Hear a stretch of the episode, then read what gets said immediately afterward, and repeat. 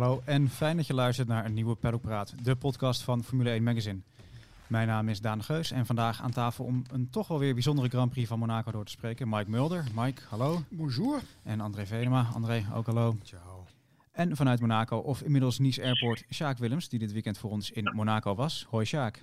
Ja, goedemorgen allemaal. Ja, André is vroeger uh, vertrokken en ik moet nog even iets langer uh, wachten op een vlucht. En dan kom ik ook jullie kant op, dus we doen het even zo. Ja, precies. En we hebben een uh, ja, toch wel weer aparte Grand Prix van Monaco achter de rug natuurlijk. ik dacht misschien kunnen we het een beetje in Quentin Tarantino-stijl doen en niet bij het begin beginnen. Want daar komen we straks nog op. Maar laten we beginnen bij het einde met Sergio Perez die op de hoogste treden van het podium stond. Uh, na een, uh, ja, een, een, lange race vooral, denk ik. Um, als een toch wel verrassende winnaar, of niet, heren? Uh, Mike, laat ik bij jou beginnen. Ja, want iedereen ging uit van Leclerc Verstappen vooraan. Maar van Leclerc weet je dat hij het in Monaco altijd lastig heeft. Dus dan verwacht je Verstappen vooraan. Maar ja, ja, ja ik denk dat Perez gewoon de beste strategie had. En een beetje mazzel dat Sainz uh, in het verkeer achterbleef. Ja, en geen wanhoopspogingen wilde Ja, doen. precies. Dus uh, ja, ik, ja, wel enigszins verrassend eigenlijk. Maar ik zie, ik zie, ik zie André Nees. André zit een beetje te, te ja. wikken. Ja.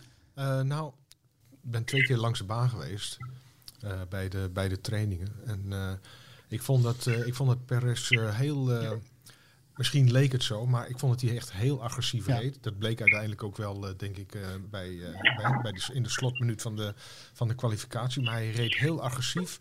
En ik denk ook dat hij wel besefte dat als hij hier de pole zou halen of voor Verstappen zou ja. liggen, dat, dat, ze hem, dat ze hem niet, dat ze hem niet zouden swappen, zeg maar.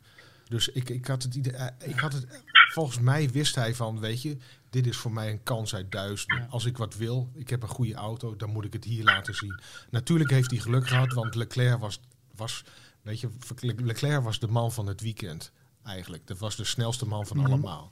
Maar goed, hij was er en uh, hij heeft hem uiteindelijk uh, gewonnen. En ik denk ook dat, uh, dat met name zijn agressieve rijstijl daar echt een, een, een ook een, een rol in heeft gespeeld.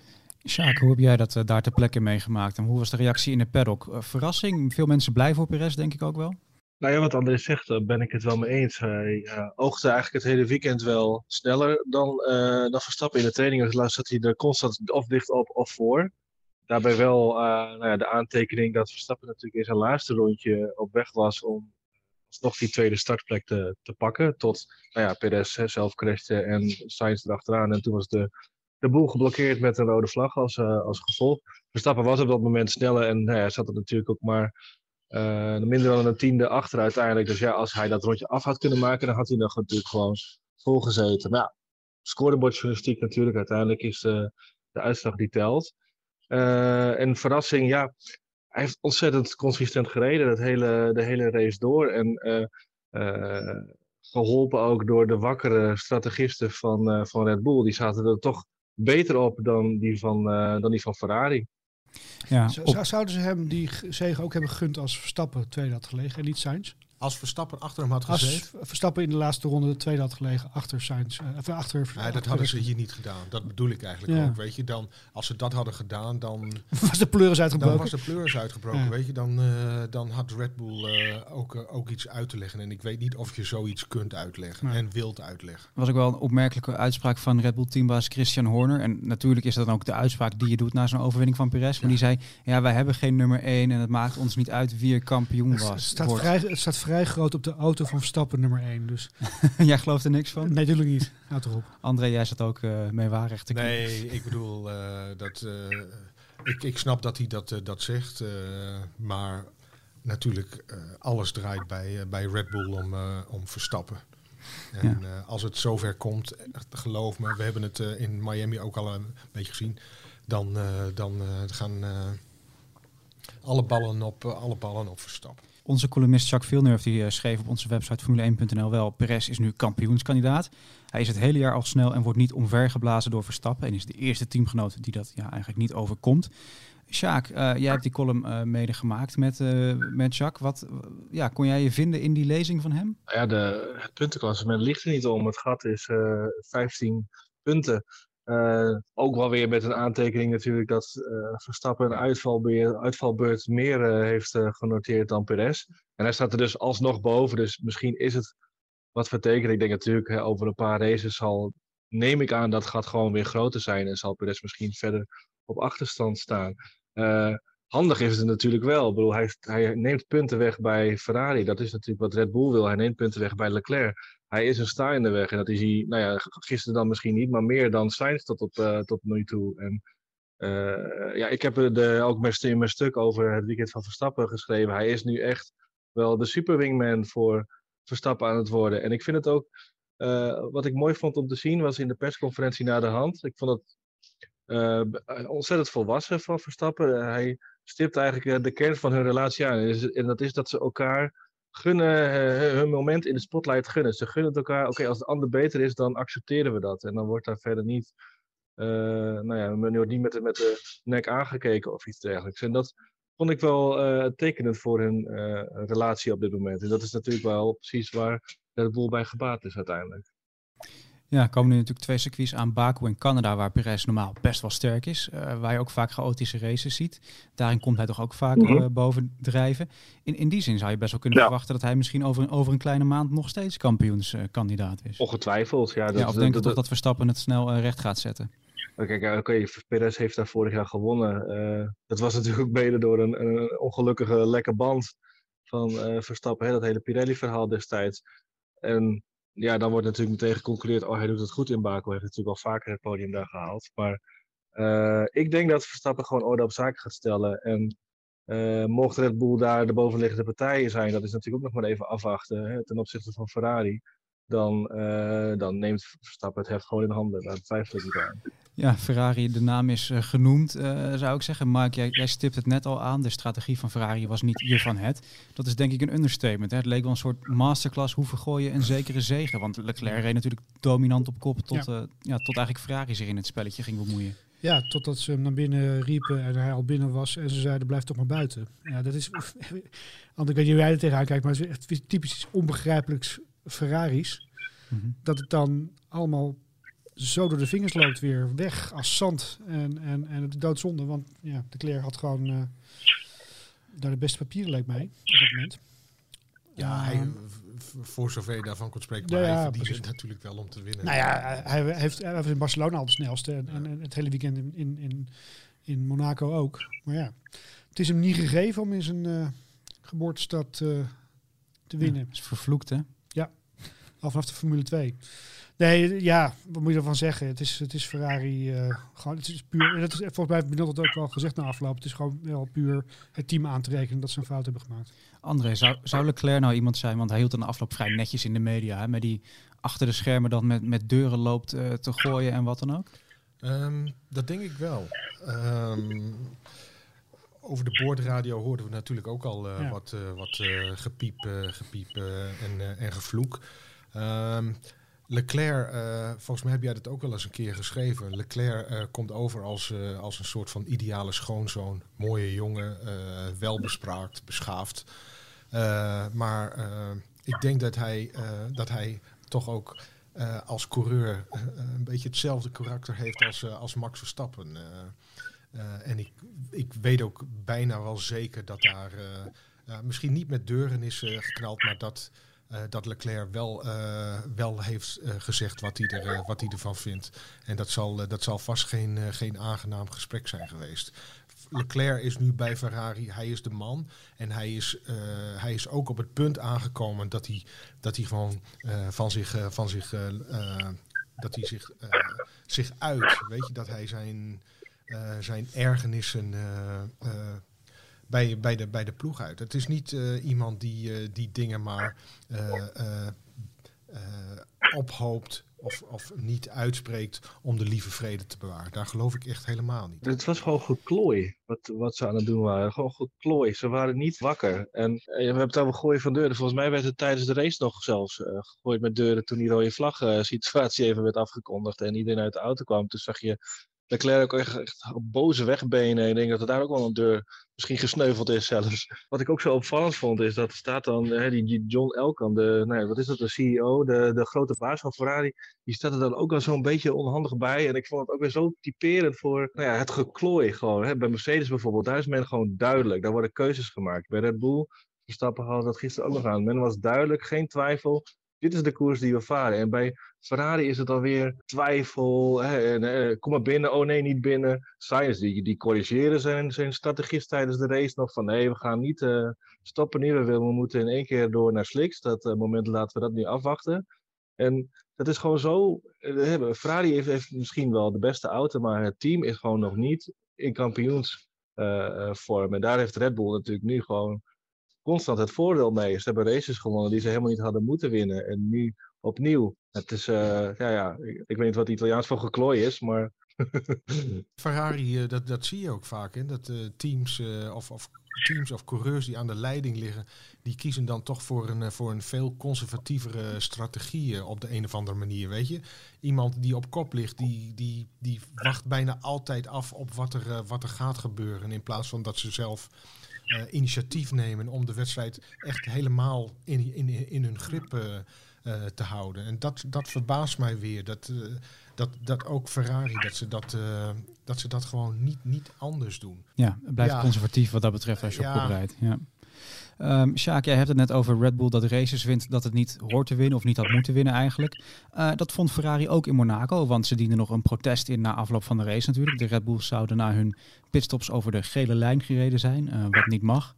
Um, eigenlijk dacht iedereen al snel, dit is een soort afleidingsmanoeuvre om een beetje af te leiden van al dat ja, uh, broddelwerk bij Ferrari aan de, aan de pitmuur. Sjaak, jij hebt daar tot lang uh, in de avond uh, zitten wachten op, op een uitspraak van de FIA. Hoe heb jij die hele soap ervaren? Bij aandacht afleiden, dat is dan in ieder geval wel gelukt. Ja, dat, dat kun je wel stellen. Hoewel tussentijds, toen we aan, aan, het wachten waren op die beslissingen, had Ferrari zijn, nou ja, zijn Zoom-call voor de media, zeg maar. En daar zat Binotto en, en Leclerc zaten naast elkaar. Nou, het was ook echt geen gezicht weer.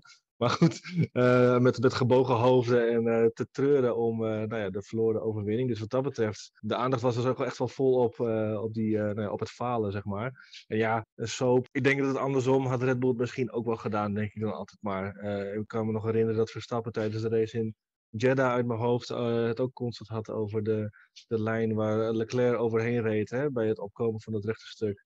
Um, het kampioensgevecht is begonnen en dan wordt alles weer aangegrepen om elkaar uh, dwars te zitten. En uh, volgens mij had Mattia Binotto ook nog best wel een punt. Kijk, als die lijn overschreden wordt, dat is tegen de regels. Ja, dus dan moet je daar tegen protesteren. Het, het, komt natuurlijk wel over als een beetje nou ja, kinderachtig slecht verliezen. Maar tijdens de race is het ook noted, geloof ik, door de wedstrijdleiding en is er niks mee gedaan het hoort, het hoort er allemaal bij. En wat ik zeg, uh, Red Bull had het andersom waarschijnlijk ook gedaan. Ik bedoel, zo, zo zijn ze daar ook wel. Dat hoort, het, is, het is het spelletje.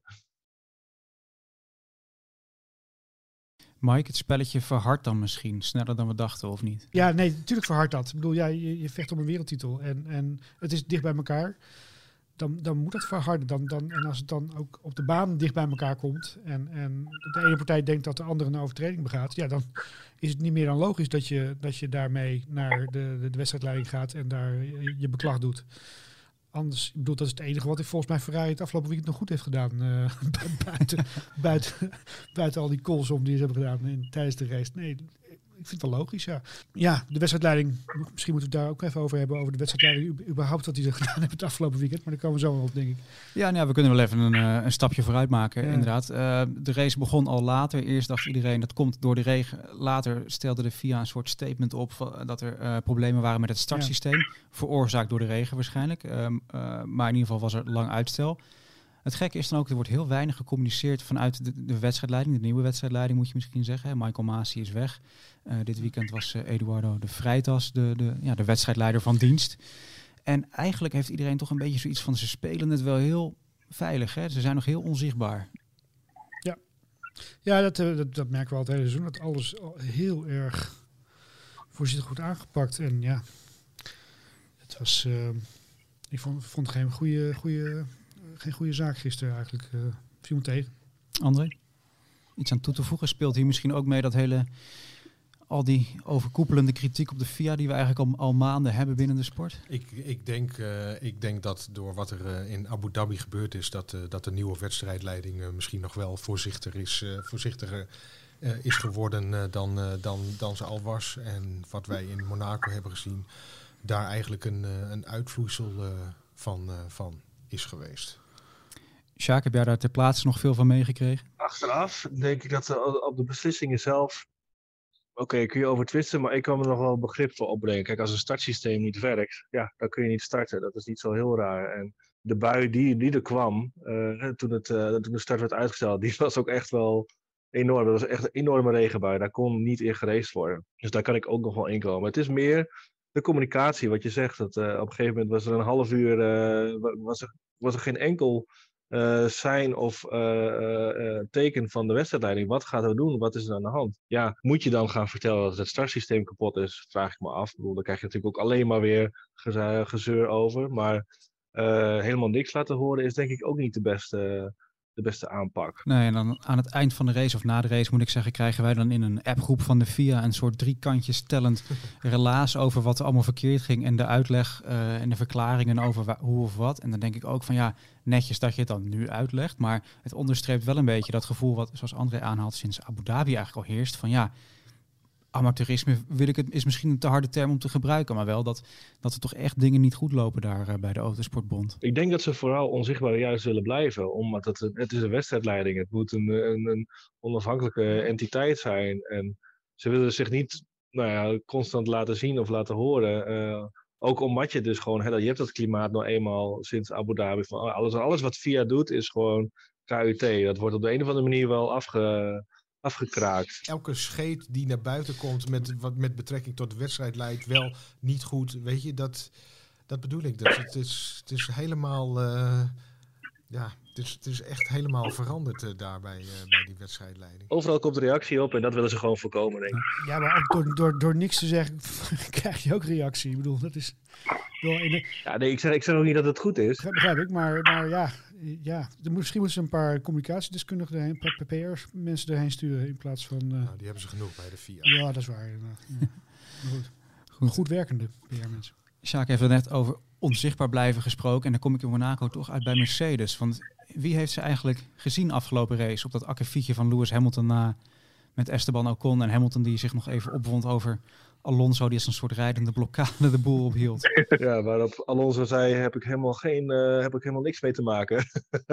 dat kan me niet, interesseert me helemaal niks. Was, was dat misschien toch ook gewoon een, een, een stukje oud haat en nijd van Alonso, die toch altijd net iets meer, hè, zijn auto net iets breder lijkt te kunnen maken als Hamilton achter, zich, achter hem zit? Ja, we, we waren samen eh, met Liveblog bezig gisteren tijdens de race en ik ik moet zeggen, het viel me wel op dat hij uh, op een gegeven moment liet hij zijn rondetijden heel erg zakken. Toen ontstond daar ook een, een treintje achter hem. Toen hij Hamilton maakte daar inderdaad volgens mij nog een opmerking over die werd uitgezonden. Alles wat Hamilton zei werd trouwens uitgezonden gisteren, vond ik ook heel opvallend. Maar, en op een gegeven moment, die, die rondetijden die duikelden weer eens. Hij gaf weer gas. En toen sloeg hij zelfs ook even de gaatje. Dus toen had ik wel het idee dat hij misschien een beetje aan het narren was. Of het kwam ook wel gewoon goed uit dat Hamilton achter hem zag. Dit, dit was gewoon tactiek misschien om zijn banden te sparen, wat hij zelf zei.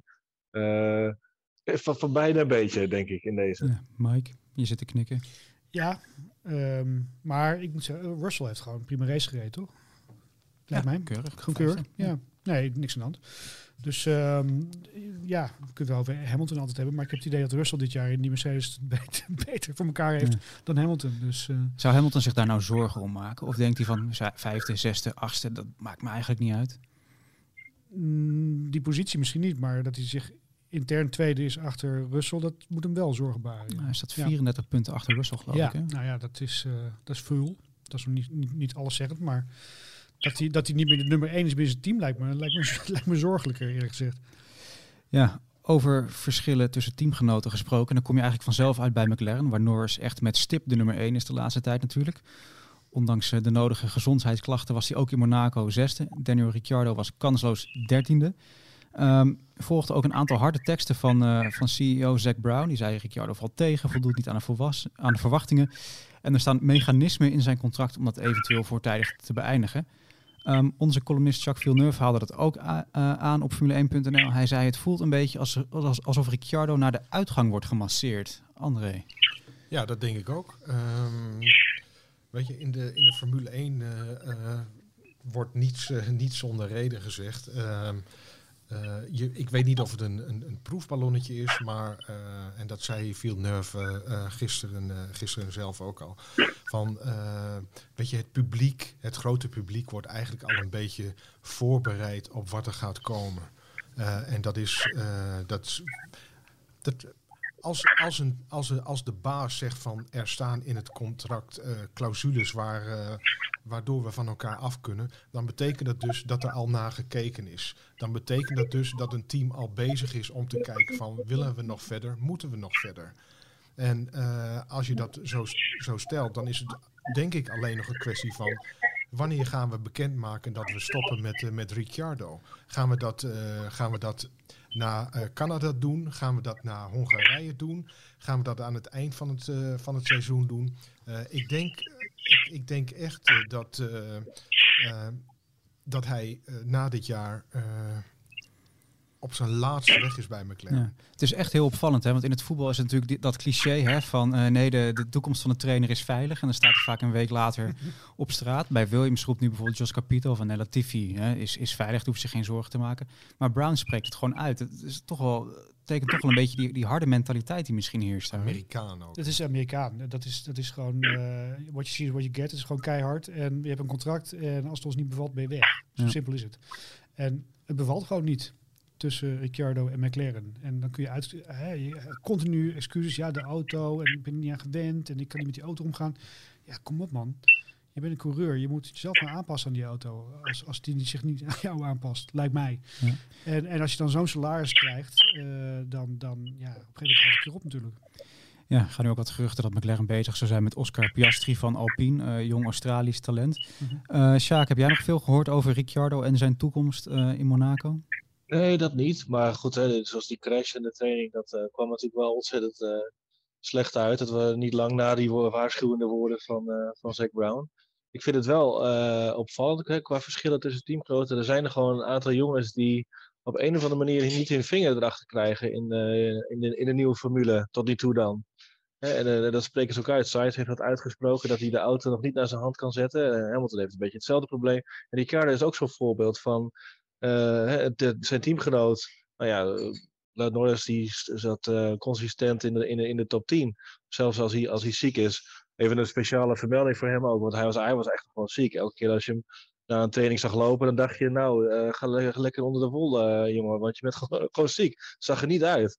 Eh er kon geen lachje vanaf. Dus al eh, ontzettend knap van hem dat hij daar uiteindelijk zo- zo'n eh, resultaat eruit kan halen.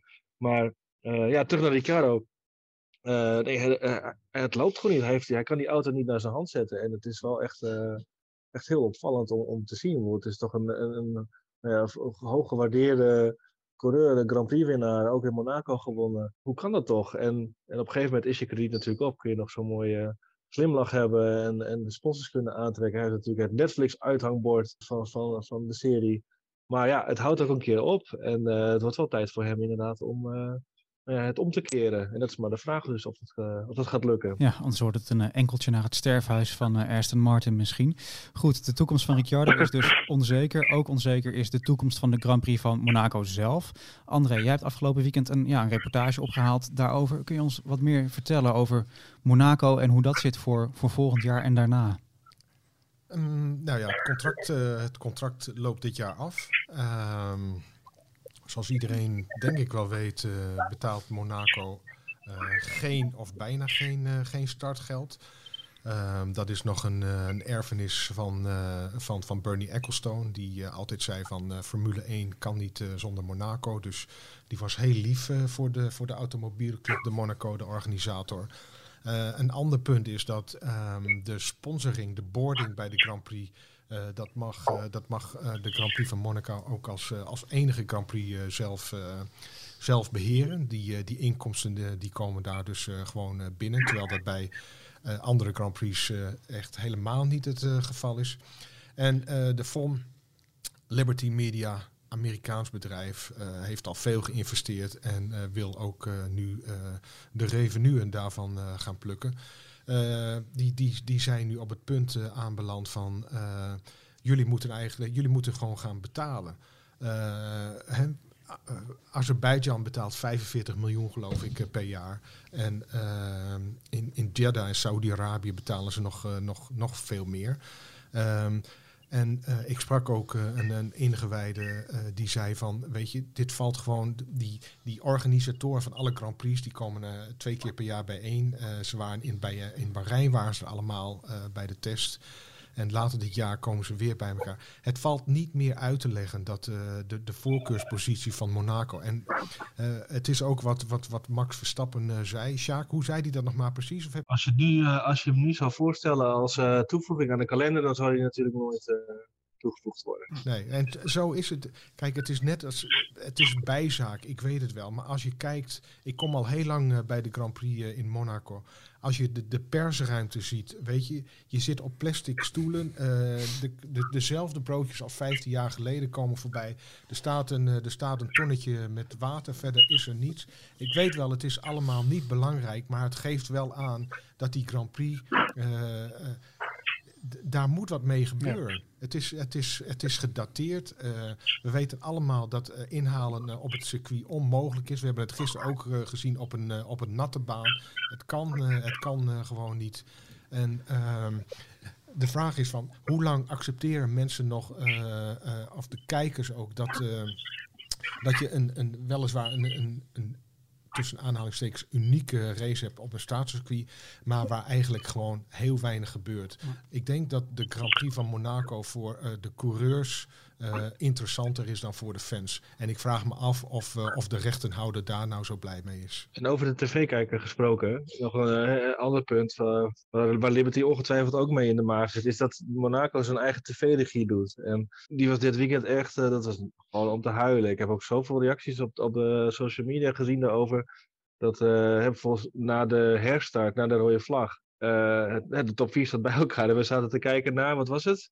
Het gevecht om plek 8 of zo, minutenlang zaten we daar naar te kijken. Wat ben, je dan, wat ben je dan aan het doen? En waarom zou je dat ook zo nodig zelf willen doen? Waarom laat je dat niet gewoon door iemand die dat om de twee weken uh, regisseert? Dat is gewoon een vak, dat is een kunst. En dat kun je niet zomaar door een, uh, een plaatselijke tv-regisseur uh, doen. Want dat was het volgens mij had ik het idee. Maar goed, ook nog een puntje waar, wat betreft uh, nou ja, de organisatie in Monaco. Ja, maar geen goed adviesje dus voor Monaco, deze editie eigenlijk. Nou, misschien heeft de regen ze nog enigszins gered. Dat men nog een, wel met een soort van uh, hype-gevoel uh, hier weg gaat. Als het, helemaal, als het gewoon 72 ronden lang achter elkaar rijden was, was het, het chagrijn natuurlijk veel groter geweest. Mike, iets aan toe te voegen? Nou, ik denk dat, dat, dat het hele gedonder vooraf met elektronica en zo, dat, dat, dat, dat, dat is juist weer een stok om ze eruit te schoppen weer. Nee, ja, ik vind persoonlijk dat Monaco wel op de kalender hoort. Maar uh, dat er wat moet gaan gebeuren uh, in de organisatie, in het uh, verdienmodel, in de betaling aan de VIA, AFOM. en misschien aan het circuit zelf. er wordt voor de kust daar bij Leuven, geloof ik, een heel nieuw eiland gebouwd. een uitstulping. Ja, een soort Flevoland. Ja, precies. Misschien dat ze daar nog wat met het circuit kunnen qua uitbreiding. Maar dat er iets moet gebeuren. Zeker, maar om nou de Grand Prix van Monaco meteen maar te killen, vind ik ook een beetje overdreven. Maar maakt niet uit wat ze daar gaan doen, uh, denk ik. Uh, weet je, die straten zijn, uh, heel, zijn smal. heel smal. En weet je je, je, je, kunt daar denk ik op geen enkele straat nee. inhalen. Nee, maar dat was 30 jaar geleden natuurlijk ook al zo. Ja. Dat is, dat is, dat is al, ja, het waren auto's een beetje smaller. Ja, ja, ja oké. Okay, dat goed. is natuurlijk ook een groot probleem. Zeker. Dan kan je de Amerikaanse mentaliteit werd nog aangehaald. Werd er nog aangehaald. Die gaat hier natuurlijk ook een rol spelen. Ik bedoel, er komt geen geld binnen, er is geen spektakel. De nieuwe fan, de Netflix-fan, laten we hem even zo noemen, die vindt hier echt geen hol aan. Die, die, die denkt niet van, oh, we racen hier al, uh, uh, wat was het, uh, 73 jaar. Die heeft er echt geen boodschap aan. Als het, als het niet aan is om naar te kijken, dan is het voor Liberty niet aantrekkelijk. En ik denk dat dat het grootste probleem is. Aan de andere kant is Amerika wel altijd dol op Europese royalty. Dus dat, ja, maar die zie je daar toch bijna niet meer. Nee, nee, van, van, van, van Albert zelf met zijn, met zijn Zuid-Afrikaanse ja, ja. vrouw. Maar Ex-vrouw? Nee, nee, nee. Het is nog steeds een vrouw. Oh, okay. Maar zelfs wat dat betreft uh, zie je in, uh, bij andere Grand Prix toch uh, wel meer Ja, eh, bekendheden dan, eh, dan in Monaco. Ja. Dat is niet meer wat het geweest Nee. eh, is. Absoluut niet. Dat was een, een lage celebrity score, vond ik gisteren. Ja, heel laag. Zelfs met het filmfestival in Cannes nog, eh, nog in de buurt. Hè. Ja, iedereen was natuurlijk blut naar Miami. Goed, duidelijk heren. Dan, zijn we er bijna doorheen wat deze aflevering van Paddock Praat betreft. Sjaak, bedankt voor het inbellen en succes met eh, de terugreis alvast. Wij gaan hier het plaatje afmaken, dat is nummer 0809, ook wel de Vaderdag special. Die staat vol met leuke en unieke waaronder dus een aantal met als thema ja, eh, vaders en zonen. En daaronder een exclusief interview met Max en Jos Verstappen nu. En we hebben ook hun eerste gezamenlijk interview uit de oude doos uit 2008. Andere hoogtepunten zijn een ronde tafelgesprek met Jan Lammers, Jeroen Blekemolen en Tom Coronel over hoe zij hun racende zoontjes opvoeden. En er zijn natuurlijk nog de reguliere bijdragen uit Spanje en Monaco, een interview met Nick de Vries, aandacht voor de Indy 500 en een verhaal over coureurs die bij de psycholoog lopen, of is dat de psychiater. Formule 1 Magazine 0809 ligt donderdag in de winkel en extra leuk, er is een winactie waarbij je kaarten voor de Grand Prix van België kan winnen. Ideaal vaderdagscadeau dus eh, lijkt me. Je kan hem ook al online bestellen op formule1.nl. Dit was hem voor ons. Wij gaan eruit met de uitloopstrook van Koen Vergeer. Bedankt voor het luisteren. De uitloopstrook van Koen. museumstuk. Ik snap wel dat het om de centen gaat. Dat die steenrijke grijzaards daar in Monaco nu eindelijk maar eens moeten gaan betalen voor een race. En dat Liberty er graag een dikkere vinger in de pap zou hebben om zelf de televisieuitzending te hand te nemen en de baan anderhalf keer zo breed te maken. Maar om dan meteen te dreigen met het schrappen van de Grand Prix, dat is zo kinderachtig. Iedereen weet dat de Formule 1 niet zonder Monaco kan. Formule 1 zonder Monaco, dat is zoiets als, ja, als Nederland zonder Rembrandt. Als Pisa zonder toren. De aarde zonder maan of Queen zonder Freddie Mercury. En dan komen er van die mensen die beweren dat niets eeuwig is, geloof me. Dat is echt volkomen flauwekul. Dat de celebrity-dichtheid afgelopen zondag een kritisch kookpunt bereikte en dat de stroom uitviel, dat hoort bij Monaco. En dat het circuit te smal is ook. De dag dat er een Formule 1-auto klem komt te zitten in de tabaksbocht, ben ik bereid om hierover te praten. Maar dat de boel vaststaat bij een spin, ja, nou ja, dat hoort erbij. En dat het regent ook. Weg met de maakbare wereld van Netflix. Eerlijk gezegd vrees ik dat Liberty, uit het oogpunt van maatschappelijk verantwoord ondernemen, het hele wereldkampioenschap Formule 1 zou willen afwerken in de Verenigde Staten. Nou ja, vooruit. Met een paar dik betaalde races in die Manhattans op de rand van de woestijn en dan nog wat museumstukken in Europa. Maar zelfs dan doe je Monaco toch niet weg. Het museumste museumstuk. Want dan bouw je de complete jachthaven na.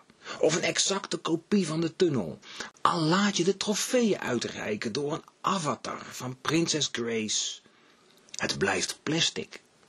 Niets kan tippen aan de geschiedenis, aan de ziel, aan Mirabeau en al die andere diep vertrouwde roestplekken in Monaco. Perlpraat.